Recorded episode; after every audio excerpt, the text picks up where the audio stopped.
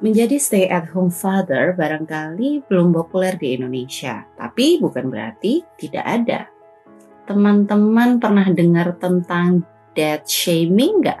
Perilaku mengecilkan kapabilitas seorang ayah dengan menyatakan hal yang berkebalikan dengan fakta atau kritik yang ditujukan kepada ayah atas metode yang digunakan dalam menyelesaikan tugas domestik. Itulah yang akan kita bahas di VIP Talks, Vinka Iktif, Pillow Talks.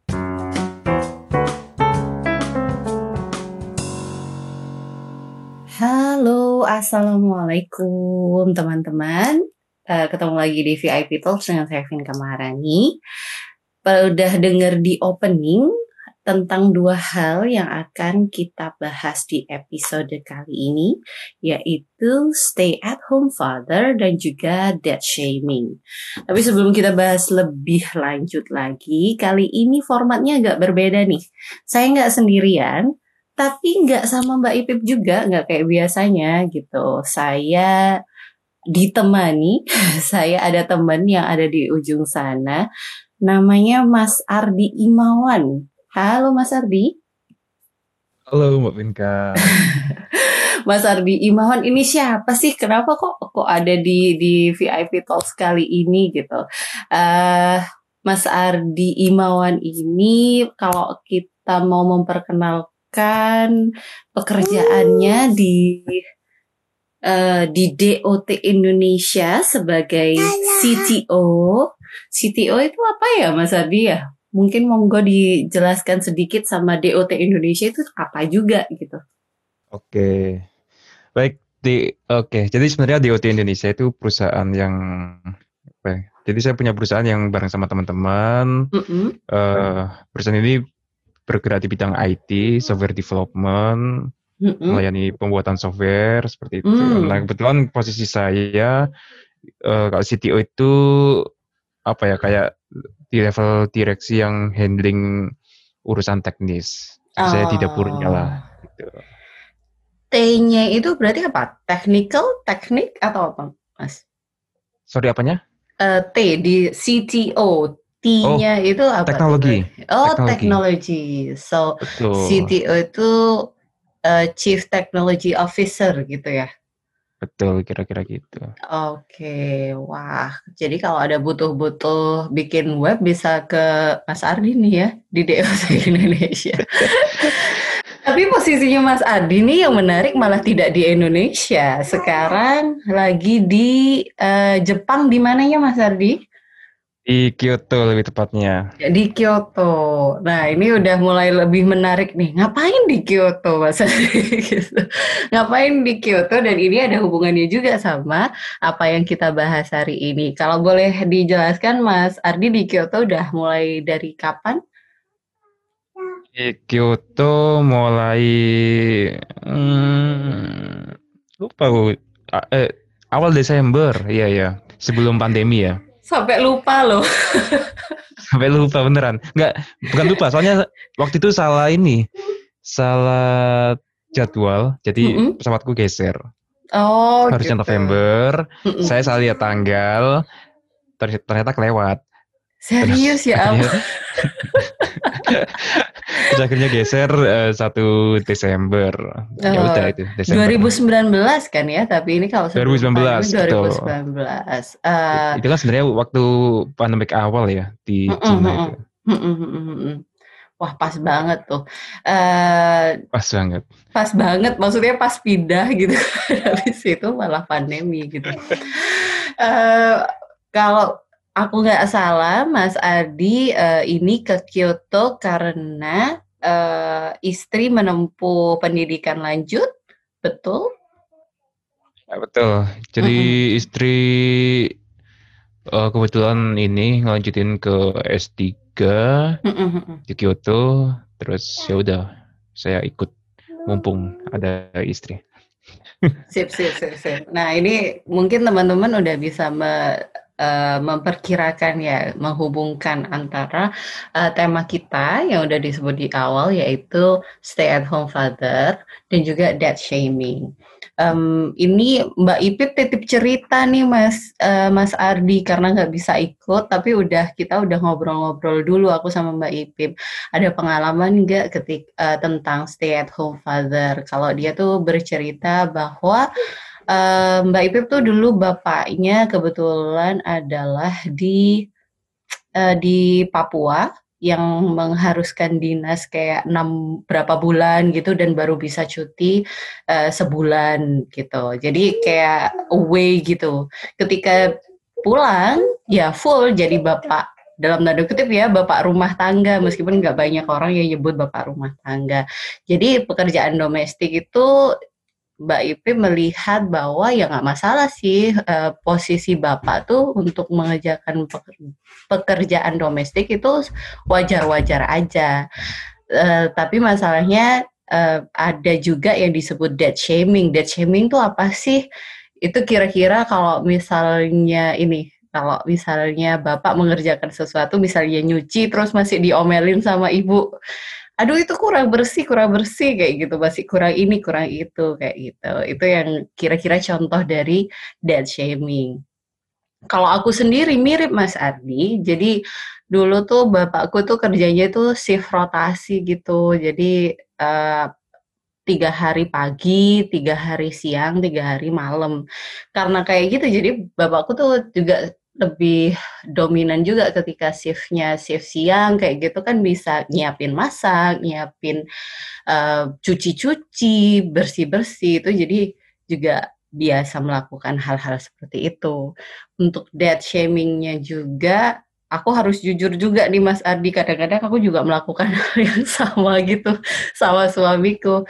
Jadi uh, pernah lah dulu waktu masih anak kecil tuh kadang-kadang aku ngerasa kok kayaknya salah mulu sih gendong anak kok kayak gini sih kok ini kayak gitu. Sampai akhirnya suamiku yang bilang ini aku yang emang terlalu bodoh atau kamunya aja yang perfeksionis gitu. Akhirnya aku uh, berkaca berefleksi oh iya juga sih kayaknya aku sedang melakukan dead shaming gitu.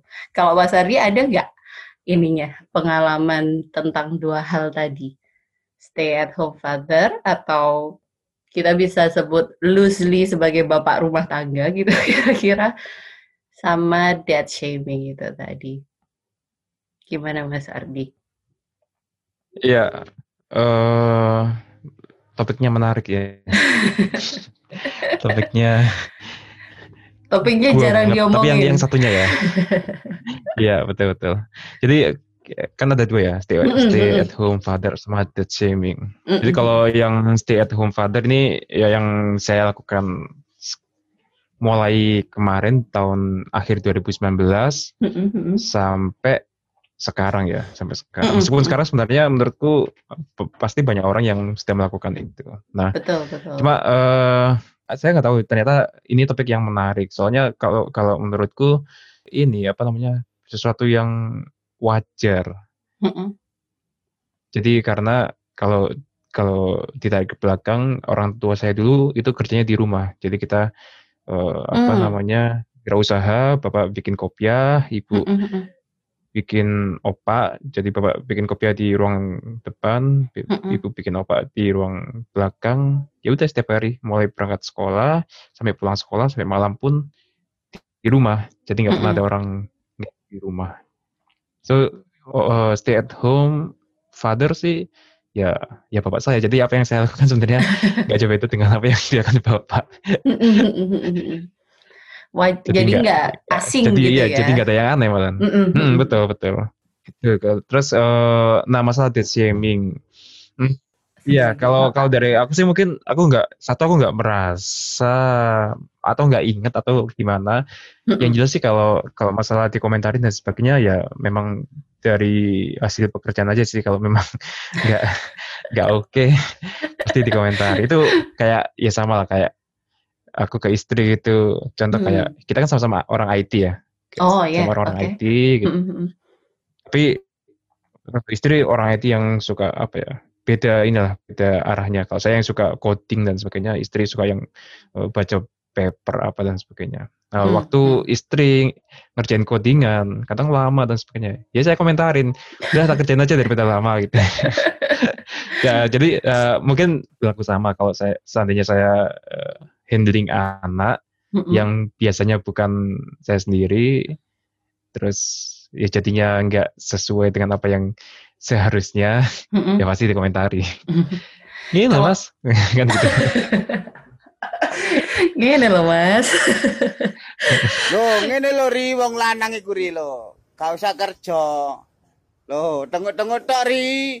Karo ngrasani wong lah lumayan entuk-entuk teluri. Kalau kalau dari ini sendiri pernah nggak Mas Adi? Kalau misalnya dari orang yang bukan istri ya, istilahnya mungkin keluarga atau masyarakat atau tetangga gitu misalnya pernah menemui nggak gitu uh, komentar yang kira-kira uh, wah gara-gara ini karena bapak sih jadi nggak tahu gitu istilahnya tuh kayak gitu istilahnya oh, oh iya, iya, karena iya, iya. Per, yang melakukan itu bapak maka kayak ada kurangnya aja gitu loh julid-julid yeah, yeah. dinginyin yeah.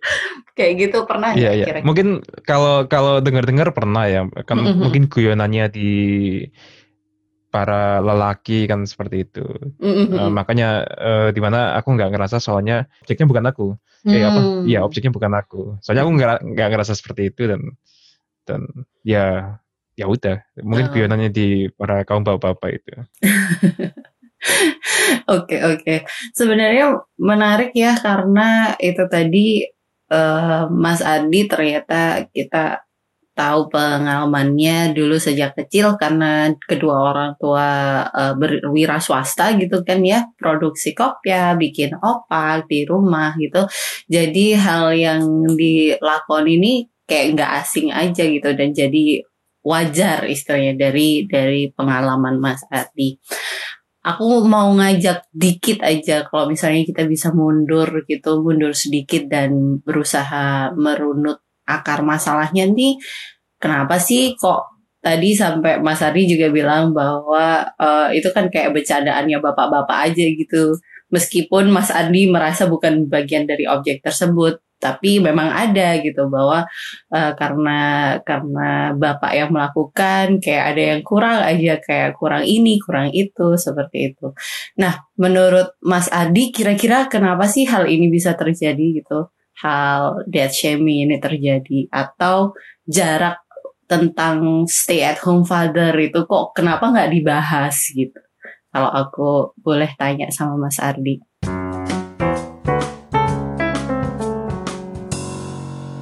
Iya, iya. Kalau mungkin yang tadi bilang bapak-bapak dan sebagainya, mm -mm. mungkin karena pada umumnya yang mm -mm. apa ya, yang melakukan pekerjaan rumah, baik pekerjaan apa pun maupun oh, ngurus anak-anak itu kan biasanya para ibu. Mungkin kalau kita narik ke belakang lagi kan kalau zaman-zaman bapak ibu kita dulu kan masih banyak yang ibu memang ibu rumah tangga ya. Berbeda mm -hmm. dengan zaman sekarang yang uh, apa namanya ibu-ibunya pun juga bekerja. Mm -hmm. Jadi ya mungkin secara mindset, secara culture juga kebentuk bahwa ya itu urusannya wanita, wanita urusannya mm, perempuan. ibu. Mm -hmm. Nah apa namanya uh, akhirnya kalau jadi kalau ada apa-apa yang yang mereka anggap ini seharusnya dikerjakan biasanya dikerjakan sama ibu-ibu terus bapak-bapak ikut-ikut wah ini pasti jatuhnya nggak beres. Mudon. Nareso muduno. Gitu.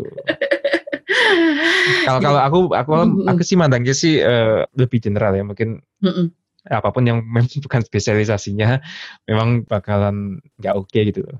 Hmm, Jadi hmm. Eh, terkait masalah harus dikomentari atau enggak itu kan udah bisa urusan ya. ini Jadi, ini salah yang kalau, komentar berarti. itu kan ya ya gimana maksudnya kalau ya kayak aku di kantor juga kalau biasanya yang ngerjain A si ini terus tiba-tiba diganti si ini ya jatuh-jatuhnya pasti nggak seoke si ini. Itu kan wajar kan normal-normal aja. Cuma masalah mau dikomentarin atau mau di encourage atau mau diapain itu kan udah beda urusan lagi. Mm-hmm. jadi kalau sekarang karena mungkin memang secara culture pada umumnya bapak-bapak itu kerja dan ibu-ibu itu handling anak jadi ketika bapak-bapak mulai handling kerjaan di rumah itu pasti entah dianggap remeh entah apa dan sebagainya.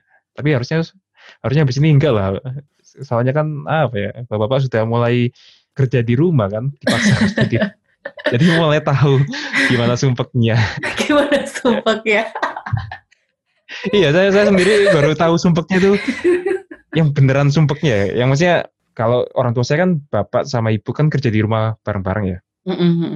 Nah, kalau kemarin itu kan waktu awal-awal saya kerja dari rumah itu kan istri hmm. justru ngampus kan.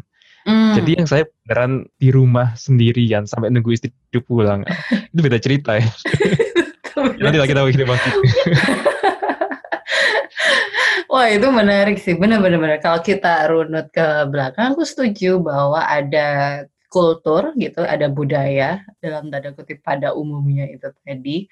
Dan kalau aku boleh singgung sedikit, ini juga ke psikologis gitu. Kalau ngaruh ke psikologis, um, aku tahu bahwa kayak ibu itu kenapa secara instingtif ada studinya? Kenapa instingtif dia ketika selesai melahirkan misalnya anak waktu nangis gitu kenapa ibu lebih cepat bangun dibanding bapak gitu misalnya? Karena ternyata memang ada pengaruh hormon ada pengaruh hmm. jadi kayak uh, produksi air susu ibu itu mempengaruhi gitu. Oh ternyata anakku nih butuh butuh makan gitu istilahnya. Nah itu memang secara biologis pun gitu dan psikologis itu berpengaruh tapi ketika anak udah mulai gede kan itu udah juga nggak cuman perkara itu tadi ya. Maksudnya itu tadi kan ketika anak baru lahir aja gitu. Tapi setelah udah mulai gede pun itu uh, sebenarnya harusnya kita bisa ada pergeseran gitu kan nggak nggak tanggung jawab dari ibu itu sendiri gitu um, yang aku sedih sih kalau yang aku lihat dari kultural dan psikologis ini ya itu tadi kayak di kotak-kotakan gitu. Jadi kalau si siapa namanya bapak tuh ketika bapak baru gitu ini anak nangis harus diapain ya ini anak uh, kalau misalnya kok dari tadi rewel terus gitu tapi uh, respon dari lingkungan yang ada di kita tidak membiasakan untuk bapak itu terus kemudian dikasih tahu oh ini tuh anak tuh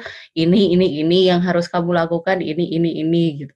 Biasanya yang dikasih tahu ibunya doang. Jadi jadi kayak aku itu gimana sih? Kenapa yang diedukasi kan ya dua-duanya kalau bisa gitu kan. Jadi kalaupun ibunya nanti pas capek gitu kan bisa gantian gitu gitu itu kan kerja tim ya gitu aku mikirnya gitu cuman karena ada pengkotak-kotakan itu tadi tentang tugas atau uh, peran dalam dalam membesarkan anak itu yang membuat jadi kayak dead shaming itu bisa terjadi gitu Hmm, menarik ya, ya, ini, ya. menarik Mas Ardi cerita itu biar ya. tahu sumpeknya. kalau tapi kalau kalau ngomongin dead shaming sebenarnya kalau yang tak rasain dulu ya, mm -hmm. yang waktu aku masih kecil dulu, mm -hmm. yang benar-benar aku masih ingat itu mm -hmm. malah justru adanya mom shaming mungkin ya ngomongnya. Kayak Jadi, gimana? Si, kayak gimana uh, tuh? Aku ke uh, SD ke bawah itu ingatnya sama bapak, uh, eh, SMP ke atas tuh banyaknya sama ibu. Oh ya, karena ibu saya itu apa namanya kerja, mm-hmm. meskipun kerja di rumah ya, tapi mm-hmm. kerja. Jadi dia bukan tipe kali ibu yang yang kayak benar ibu pada umumnya yang sampai rumah bisa bersih, kinclong dan sebagainya. Enggak ada cerita rumah bersih. Jadi karena rumah jadi pabrik juga kan. Iya nah, iya benar-benar um, waktu adik adik kecil ya adik kecil gitu kadang waktu dia waktunya sekolah itu kadang kalau ibu masih tidur itu sama bapak dibiarin Hmm. Nggak usah, nggak usah bangun ibumu nanti bikin adikmu nangis. Oh iya iya iya. Bapak aja yang gitu.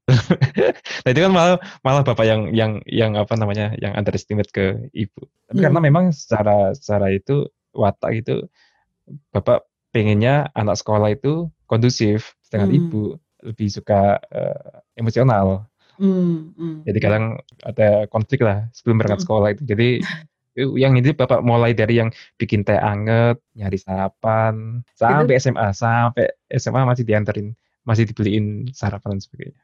Wah, tapi ini menarik. Uh, kenapa sangat menarik mendengar ini dari Mas Andi? Karena hal ini membuktikan bahwa gambaran yang umum itu nggak clear cut untuk semua gitu. Jadi setiap rumah tangga tuh kan sangat personal gitu ya. Maksudnya punya punya case sendiri-sendiri gitu. uh, dalam bagaimana menyelesaikan tugas gitu istilahnya. Kan itu tugasnya adalah gimana caranya nih anak bisa sampai berangkat sekolah sudah makan at least gitu kan sudah siap atau itu tadi yang disebut kondusif. Uh, terserah mau mau ibu atau bapak. Aku pun mirip sih kayak gitu. Kadang-kadang kalau misalnya ibuku juga karena bekerja sebagai guru dan agak jauh dulu dari tempat-tempat tinggal gitu sedangkan bapak kan kantornya kami tinggal di pabrik gula jadi di kompleks pabrik gula itu jadi malah yang lebih dekat gitu. Dekat uh. gampang akhirnya. Akhirnya bapak yang kayak ya itu tadi kalau misalnya ibu kadang-kadang keburu-buru kadang guru harus apa kayak upacara atau apa? Ya sudah gitu kan. Akhirnya ya udah ya bapak lah yang yang opo tackle gitu istilah bahasa ini. Ya udah semua yang lakuin ya bapak. Ya itu it's okay gitu nggak nggak harus dalam tanda kutip harus seperti uh, tuntutan atau kita sebutnya ada Mas Ardi namanya gender script gitu jadi hmm. semacam skenario untuk uh, untuk peran yang berdasarkan gender gitu. Jadi peran seseorang tapi berdasarkan gender. Kayak gender scriptnya uh, adalah wanita yang masak, wanita yang do, tugas domestik, uh, yang laki-laki bekerja aja gitu kayak gitu. Uh, tapi kadang-kadang kan in real life gak bakal bisa kayak gitu gitu karena ya emang keadaannya seperti itu ya kita harus adjust gitu kan nggak bisa nggak bisa um, harus saklek sama gender scriptnya gitu. Terus yang lebih menarik tentang stay at home father nih uh, ada nggak atau Mas Adi bisa nggak uh, sharing tentang prosesnya itu tadi? Ada semacam konflik atau keraguan-raguan gitu enggak dengan diri sendiri atau dengan anggota keluarga yang lain misalnya ketika memutuskan untuk oke okay lah kayaknya aku bakal bisa nih untuk uh, ke Kyoto aja deh. Kan kerjaan bisa atau kayak gimana? Gimana tuh prosesnya Mas Ardi? Kita penasaran nih.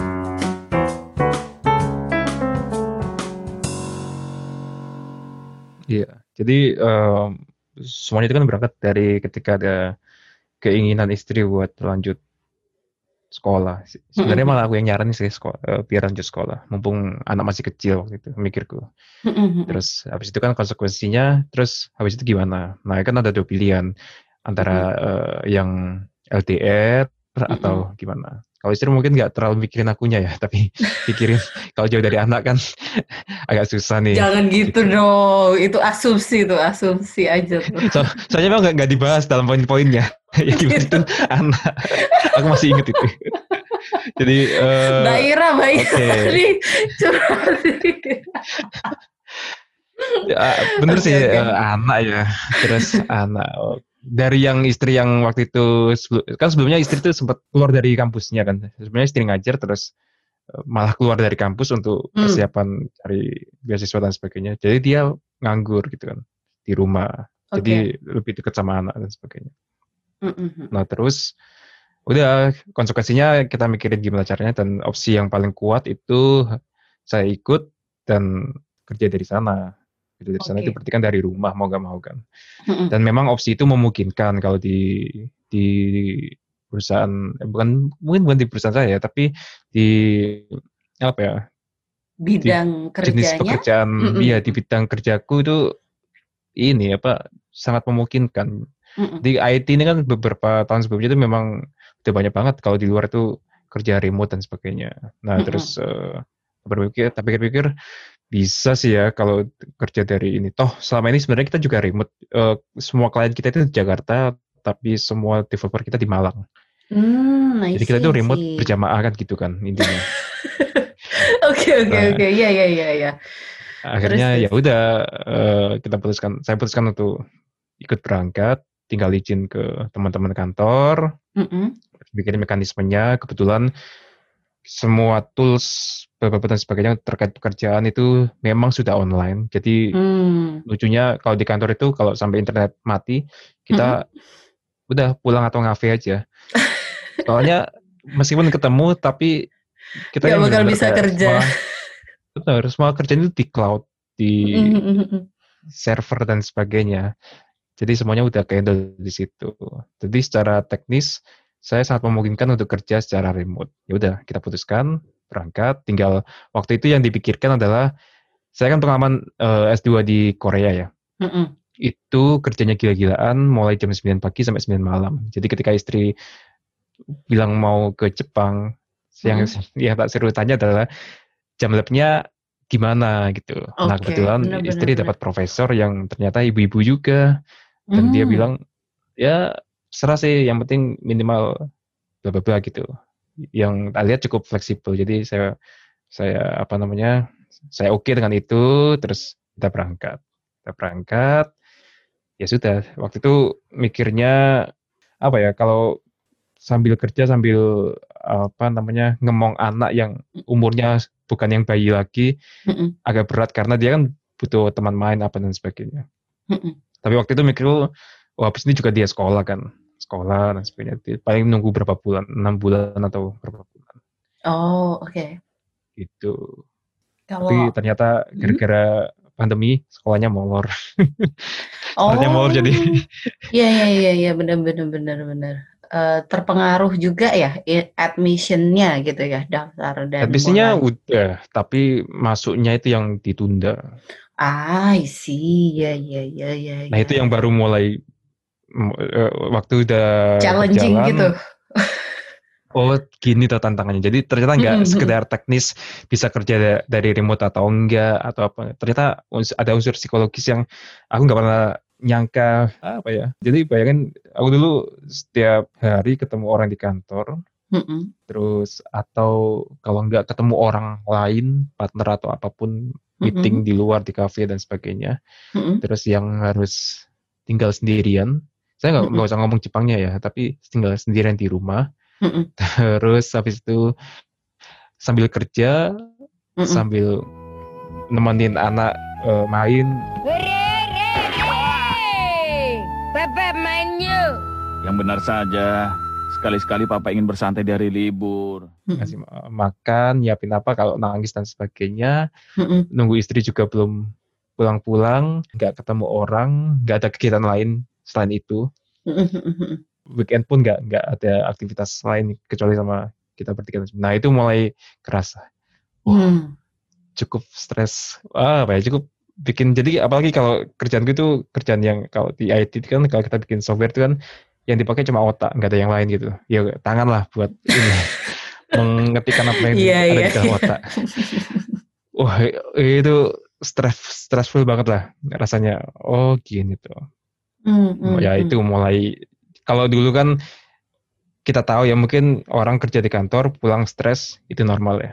Terus kita pulang ke kantor mungkin istri cukup tahu kondisi kita pulang kantor itu seperti apa. Nah kalau sekarang beda cerita. Aku kerja di rumah sama hmm. anak, istri pulang. Waktu itu rasanya kayak nggak terjadi apa-apa. Jadi rasanya kayak ya aku nggak nggak pulang kantor, jadi nggak stres. Iya, iya, iya. Nah, itu aku, aku baru tahu, oh ternyata mungkin istri juga kayak gitu sama ini. Kalau dia sendirian yep. di rumah, nungguin, nungguin apa namanya suami di kan, uh, pulang kantor, dia juga stres mungkin. Mm -mm, stresnya nah, beda itu, jadi, gitu. mm, mulai mulai oh oke okay, ini memang bukan bisa tak bilang bukan sesuatu yang lama tapi sesuatu yang baru buat aku juga. Oh ada ada tantangannya dan sebagainya.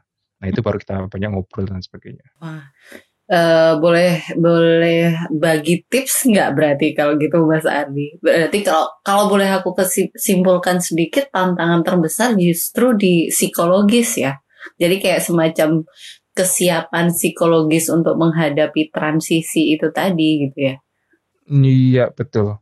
Hmm, kalau tips ya. Iya yang penting sih ngobrol sama ini ya pasangan ya. Mm, mm, mm. Ngobrol sama pasangan jadi harus dijelaskan kondisinya masing-masing. Jadi kita nggak bisa nganggap remeh kayak istri nunggu suami di rumah itu biasa aja dia. Ya dia nggak stres karena pekerjaan kan. Ternyata di situ juga ada tantangan sendiri. Nah berlaku juga sebaliknya. Kalau seandainya kondisi kebalik suami yang mm -hmm. di rumah juga harus diobrolin ke pasangan masing-masing. Kalau aku stres loh ngurusin Niki piye dan sebagainya. Nah, jadi dari situ ada obrolan. Waktu itu kita sempat yang kayak ya udah istri nggak setiap hari ngampus. Hmm. Kata gitu. Jadi aku ada waktu yang benar-benar bisa fokus ke kerjaan gitu. Atau kita bagi tugas, aku kerjanya malam atau atau gimana gimana lah. Intinya diobrolin kayak hmm, gitu. Hmm. Komunikasinya Terus, ya berarti ya. Betul. Kalau hmm. dari aku kemarin sempat yang kayak kita sampai tahun ini minta yang benar-benar aku pengen rumah bersih, rapi. Jadi uh, karena kita memang terbiasa kerja bareng-bareng. Kalau dulu di di Indonesia kita nggak nggak terlalu pedulin kenyamanan rumah sebenarnya ter mm, terang. Mm. Soalnya kita sama kerja dan sebagainya. Tapi uh, di posisi ini aku kerja di rumah, terus uh, ternyata itu pengaruh lingkungan kerja dan sebagainya pengaruh. Jadi aku benar-benar minta tolong. Ya aku sendiri harus uh, apa namanya merapikan dan menjaga kerapian dan kebersihan rumah rumah hmm. juga. Tapi yang yang paling jelas karena istri tidak merasakan kerja dari rumah waktu itu, jadi aku mintanya ini aku minta tolong juga di, dijaga kerapian dan kebersihan. Sekali lagi tempat tempat kerjaku nanti Ri juga main di sini kerja di sini dan sebagainya dan sebagainya. Hmm. Ininya sih dikomunikasikan sih. Gitu. Makanya kalau sekarang itu kan kemarin ada yang bilang salah satu bisnis yang lagi rame itu kan ini apa home decor ya.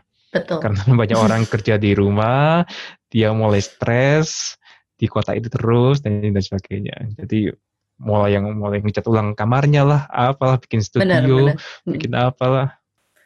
Homemaking kalau ini tadi aku sempat baca gitu. Jadi nggak sekadar home uh, karena kayak kita punya relasi gitu, kita punya hmm, kita punya relasi dengan ruang di mana kita tinggal, di mana kita hidup. Jadi itu berpengaruh banget.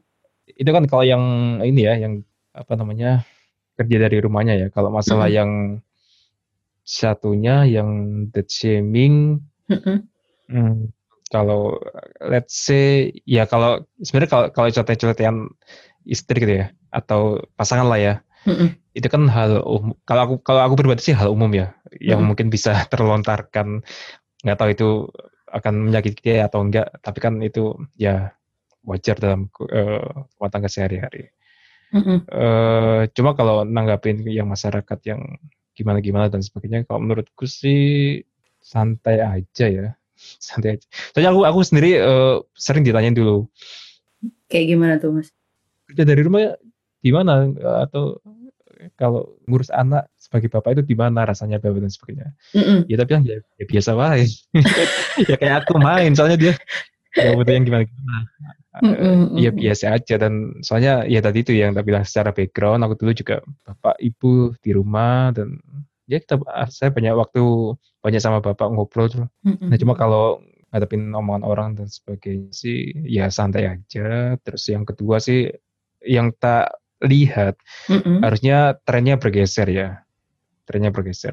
Kalau kita tren kan selalu selalu bergeser. Kalau kalau kita tarik mundur aja contoh yang kayak dulu ibu itu banyak di rumah sebagai ibu rumah tangga. Terus sekarang mulai banyak ibu yang bekerja.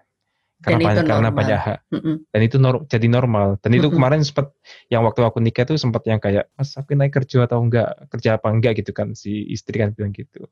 Itu banyak banyak ya aku bilang aku sih bisa sih uh, apa namanya hidupin kamu kan gitu kan. Kamu di rumah ya nggak apa-apa. Tapi banyak ternyata banyak banget hal yang dipikirin. Contoh kayak ini si orang tua dulu nyekolahin dia mahal-mahal. Hmm. yep, yep, yep, yep. ya kayak gitu-gitu. Jadi ada pergeseran. Nah oke okay lah yang yang ibu kerja itu sekarang mungkin sudah banyak. Nah mungkin tinggal bapak di rumah itu yang mungkin bakal bisa jadi bakal ada tren tren juga di mana The next trend gitu ya. Betul, ketika masyarakat sudah menganggap oke okay, normal seperti itu ya jadi biasa aja. The new normal gitu ya. Eh, kalau saya sih ini punya banyak teman juga yang bapaknya seperti itu dan memang nggak nggak keangkat aja sih.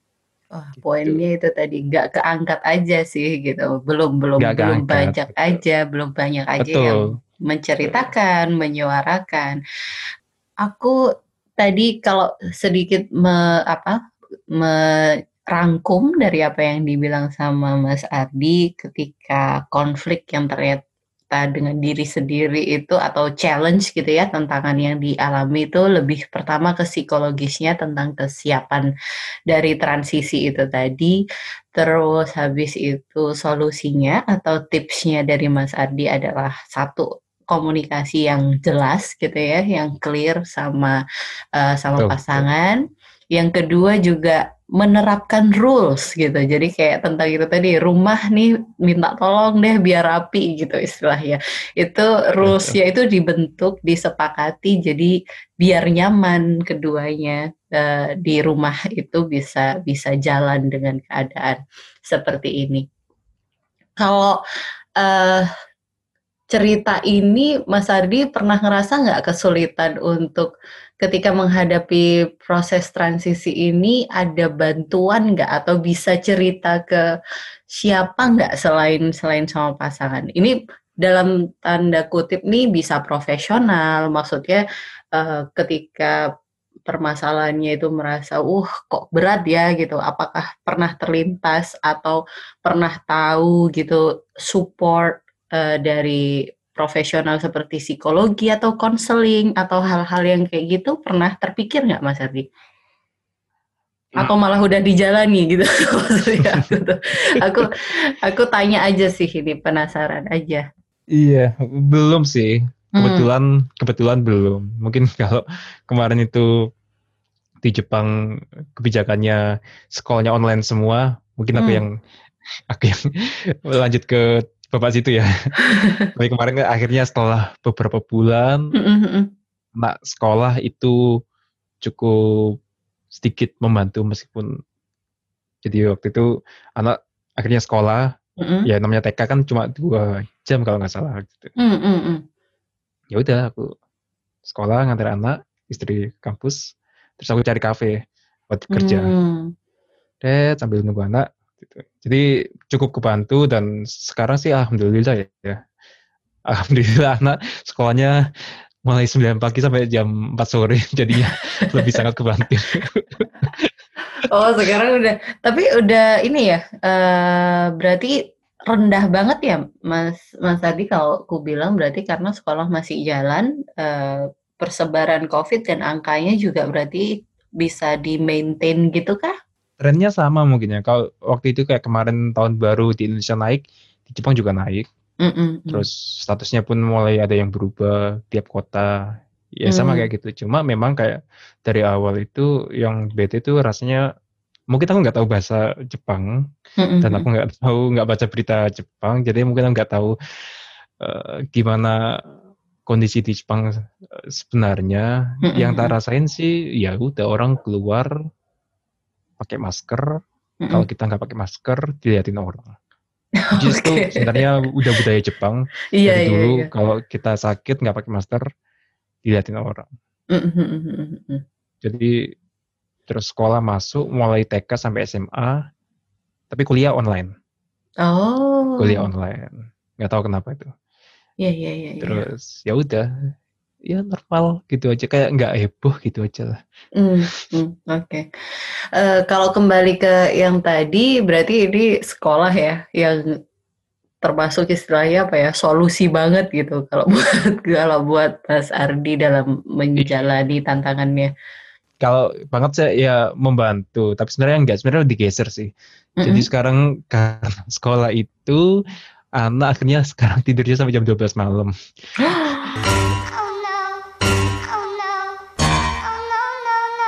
Gimana tuh ceritanya? Jadi mainnya itu digeser, main di rumahnya digeser. Oh, main di rumahnya digeser.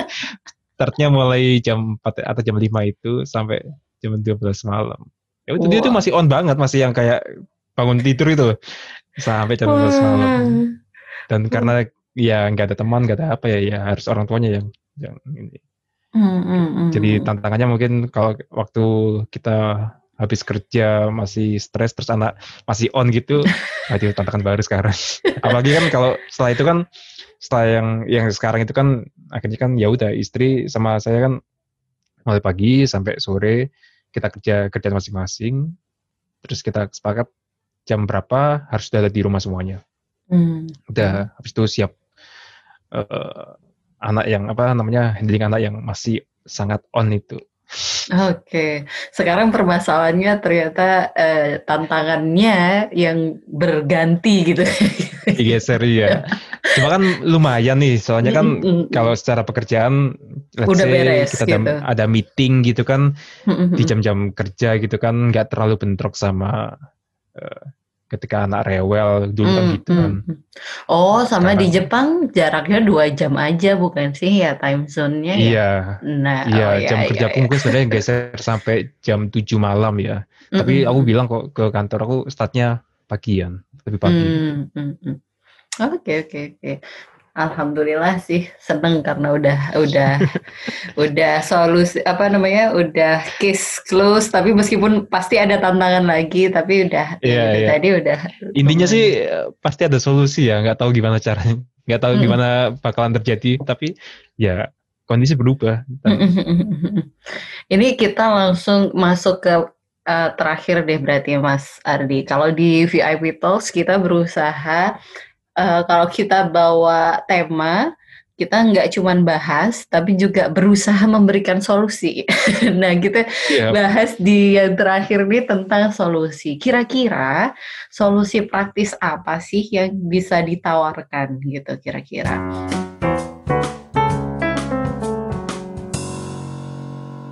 Kalau uh, Mbak Ipip nih uh, titip titip titip pesan gini karena beliau sekarang kan di US. Terus habis itu dalam waktu satu tahun uh, suaminya bakal nyusul. Sempat karena pandemi gitu dan juga karena pemerintahan Trump itu kan menolak bener-bener nggak boleh masuk orang baru lagi gitu kan.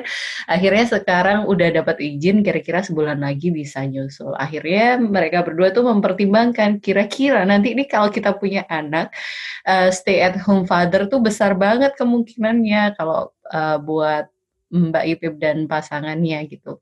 Ber, uh, Mbak Ipip sih mikir gimana ya solusinya uh, gimana kalau hal-hal kayak gini tuh nggak usah nggak usah di apa ya nggak usah dipermasalahkan gitu. Uh, stay at home father kemudian peran peran bapak dalam membesarkan anak gitu. Kalau bisa tuh ya mindful gitu. Oh mereka memutuskan hal seperti itu pasti sudah menimbang masak-masak sudah punya pemikiran panjang. Jadi kalau bisa jangan diremehkan Terus pada dasarnya semua orang, semua relasi, semua rumah tangga juga adalah sebuah proses belajar gitu. Kalau solusi dari Mbak Ipip, beliau titip gitu deh, coba kita lihat sebagai rumah tangga tuh proses belajar juga.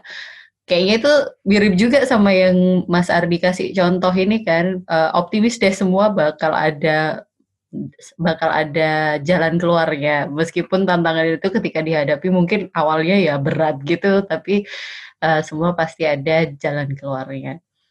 Kalau aku sendiri juga lebih ke ini sih judge gitu. Kalau bisa kita menghindari judgement lah gitu. It's okay untuk laki-laki misalnya bingung ngadepin anak ya wajar aja sih gitu. Misalnya bapak yang baru ya wajar kan juga semua juga masih berjalan gitu. Kadang kita nggak nggak ada sekolah sekolah apa premarital gitu istilahnya sebelum kita nikah kita nggak dikasih sekolah gitu. Gimana sih kamu nanti kalau uh, ngegedein anak tuh harus ABC udah tahu gitu sama kayak kita misalnya apa nyetir kita udah tahu oh driving school tuh ini aturannya ABC kayak gitu. Tapi kalau membesarkan anak kita nggak pernah di sekolahin kayak gitu gitu. Jadi ya nggak apa-apa lah ya kita belajar sama-sama. Bapak bingung gimana gendong anak ya nggak apa-apa ya pelan-pelan dia apa kita belajar bareng-bareng. Oh ternyata megang anak tuh harusnya kayak gini, harus kayak gitu.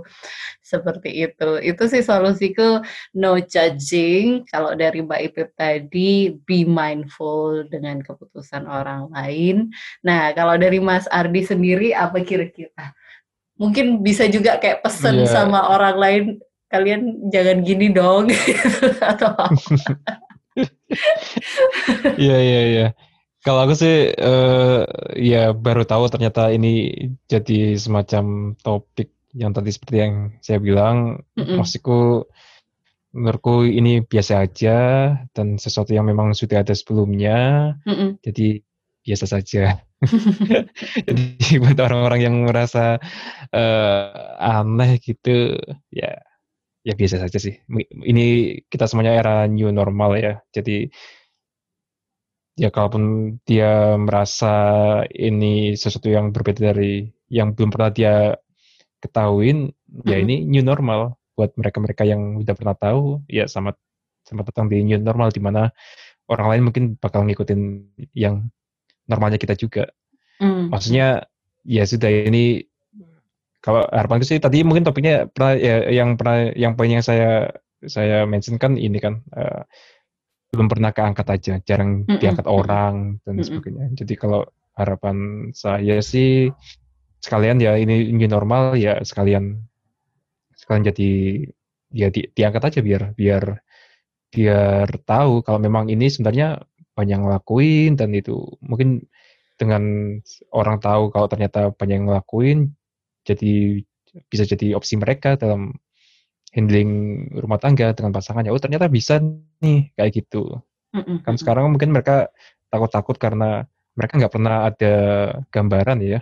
Betul. Pakai seperti apa. Kalau, kalau saya kan nggak ada, eh nggak nggak yang gimana-gimana soalnya ya ya udah dulu bapak ibu juga di rumah, bapak juga banyak handling banyak hal dan sebagainya gitu. Mm-mm. Dan ditambah kalau menurutku harapanku uh, sekarang itu zamannya media ya. Sebenarnya media itu punya andil besar mm-hmm. dalam merubah persepsi orang. Jadi kalau mm-hmm. seandainya media juga mendukung, uh, menurutku jauh, jauh lebih bagus sih. Contoh kayak kalau kita ngomongin sosial media gitu, segala macam tips atau apa pun yang berkaitan sama rumah tangga kan biasanya mm-hmm. ditujukan ke ibu-ibu tuh gini loh bun dan ah. sebagainya.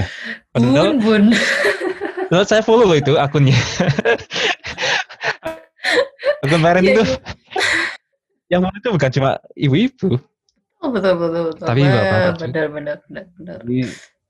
Ya sudah, sekalian aja di ini apa namanya diganti lah uh, apa target marketnya tuh ya banyak kok bapak-bapak yang butuh kayak gitu. Yang follow mereka itu banyak Bukan follow karena disuruh istri ya, tapi karena memang karena memang kebutuhan. Iya, iya, iya, iya, iya. Iya nih, kenapa harus bun semua ya gitu. Jangan bun aja, padahal yang baca juga ada bapak-bapak juga gitu. Kamu iya. merasa unseen ya mas ya? Kamu merasa tidak terlihat undocumented gitu? Mau iya, mau, mau ikut komen itu kan bingung kan ibu-ibu semua gitu. Wah ini aku jadi malah kepikiran apa bikin aja yang buat bapak-bapak. bikin akun sosial media parenting tapi buat bapak-bapak nih, menarik. Jadi saingannya bapak-bapak.id. Nah betul, bapak-bapak itu kan tapi kan terlalu yang benar-benar bapak-bapak yang yang digambarkan orang pada umumnya kan bapak-bapak yang handling apa bukan yang bukan yang handle anak-anak rumah tangga dan sebagainya. Yap, yap, yap. Wah, menarik, menarik, menarik. Iya, iya, iya.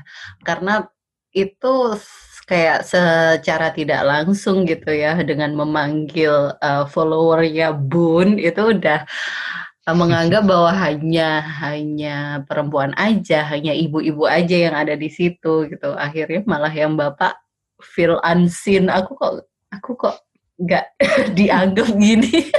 iya. Batinku mbok kira ibu-ibu tok.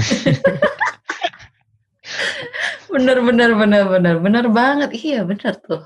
Uh, mungkin malah yang lebih lebih lebih gender neutral atau yang netral secara gender mungkin ya orang tua, halo para orang tua atau apa yang memang keduanya aja gitu mungkin ya sebagai solusi. Atau disebut keduanya malah bapak dan ibu gitu. Menarik banget, makasih banget Mas Ardi sudah share. Uh, yang terakhir aku highlight adalah itu tadi Mas Ardi juga menyoroti media, uh, misal kita berharap juga media bisa menempatkan bapak itu juga dalam role yang sama besarnya sama ibu gitu dalam membesarkan anak dalam parenting. Terus kalau yang kuulang sedikit dari dari titipan dari Mbak Ipip solusinya adalah uh, yuk be mindful kita semua nih pada dasarnya belajar dalam berumah tangga dalam membesarkan anak tuh kita semua dalam proses belajar. Kalau dari aku sendiri sih kalau bisa ya don't judge lah gitu. It's okay. Kadang kita itu bingung gitu jadi orang tua juga nggak apa-apa lah kalau misalnya kalian bisa bantu ya silahkan tawarkan pertolongan oh aku uh, bisa nih bantuin apa aku uh, kalian butuh apa atau itu menurutku sangat membantu karena dulu aku juga pernah menghadapi stres itu tadi mas uh, mas Ardi yang kayak Mas Ardi bilang gitu di rumah aja itu stresnya beda gitu. Nah terus akhirnya aku iya. dapat uh, ada temanku yang psikolog yang menawarkan bantuan, kemudian ada yang menawarkan uh, kayak uh, mau apa mau Hayu di uh, ikut kami beberapa jam kayak gitu. Hal-hal kayak gitu kecil tapi membantu juga gitu dalam dalam menghadapi stresnya itu tadi. Barangkali hal ini bisa di diterapkan juga sama stay at home father mungkin ya biar nggak stay uh, biar nggak stres-stres banget gitu. Lumayan lah anaknya diajak main. Kalau udah pandemi kelar ya atau dengan protokol kesehatan tentunya. Seperti itu. Terima kasih Mas Ardi. Apakah ada uh, pesan terakhir atau tambahan apa gitu? Ya, semoga pandemi selesai dan Amin. kita menemukan tantangan yang baru lagi. semoga menemukan tantangan yang baru lagi. Oh iya, ada nggak hal yang kira-kira gini, wah kukira Vinka nih mau nanyain ini, tapi kok ternyata nggak ditanyain, ada nggak? Hmm, enggak sih, sebenarnya kalau aku sih lebih pengen tahu aja sih apa sih yang ditanya. Apa sih apa sih yang jadi masalah dengan ini itu Oh gitu gitu. Apa sih yang jadi masalah dengan ini? Uh, hmm. Uh, ya sebenarnya adalah itu sama sih sebenarnya keresahan bahwa uh, aku sendiri tahu mengalami Mas Ardi dulu kan ini pernah lah gampangannya gini yang hal yang real adalah aku kondangan Habis itu aku berangkat sendiri. Loh, anaknya mana gitu. Aku ke mana aja kalau yang aku sendiri selalu ditanyain, "Loh, anaknya mana?" Uh, sama nenek kakeknya tah? Atau kalaupun di oh. Inggris, oh. aku tuh kalau di Inggris itu juga ditanyain misal sama keluarga, "Loh, Hayu mana?" "Oh, Hayu sama tetangga." "Oh, Hayu main sama temennya di ini gitu."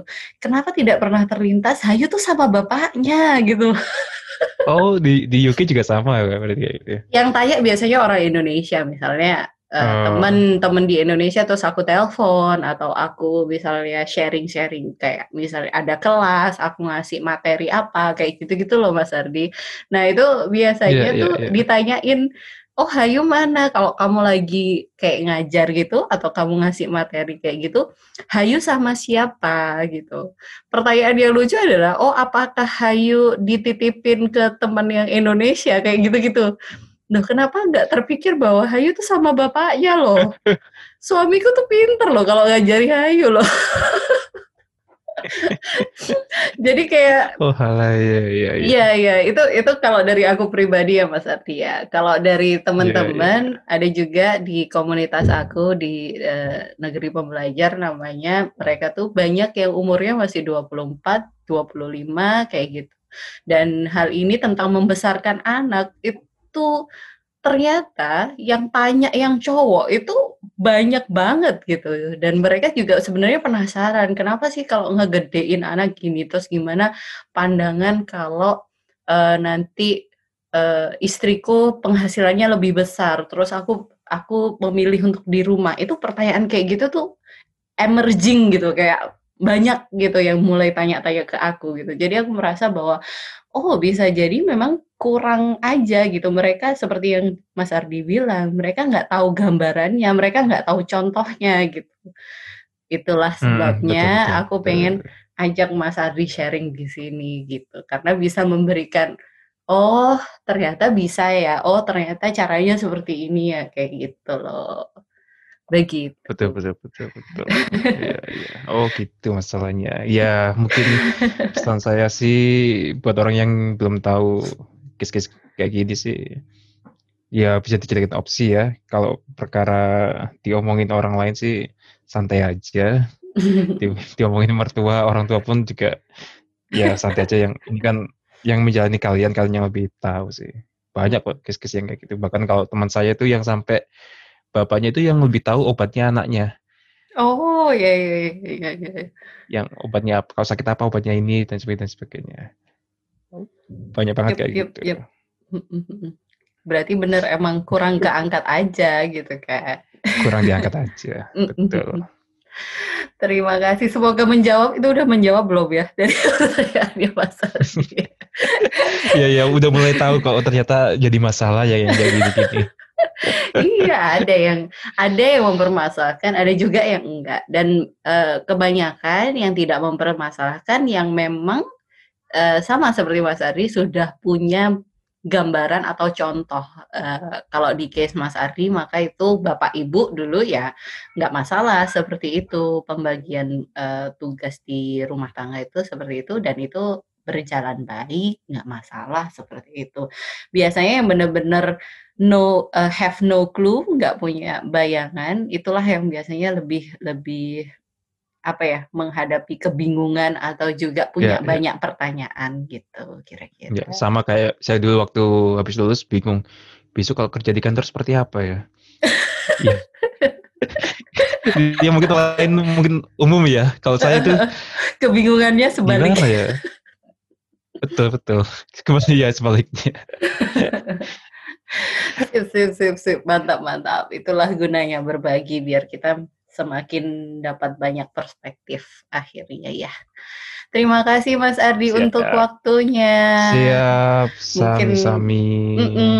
Semoga uh, sehat-sehat selalu di Jepang, di Kyoto. Semoga lancar juga kerjaannya. Sukses juga buat Amin. DOT Indonesia. Terima sama, kasih. Sama.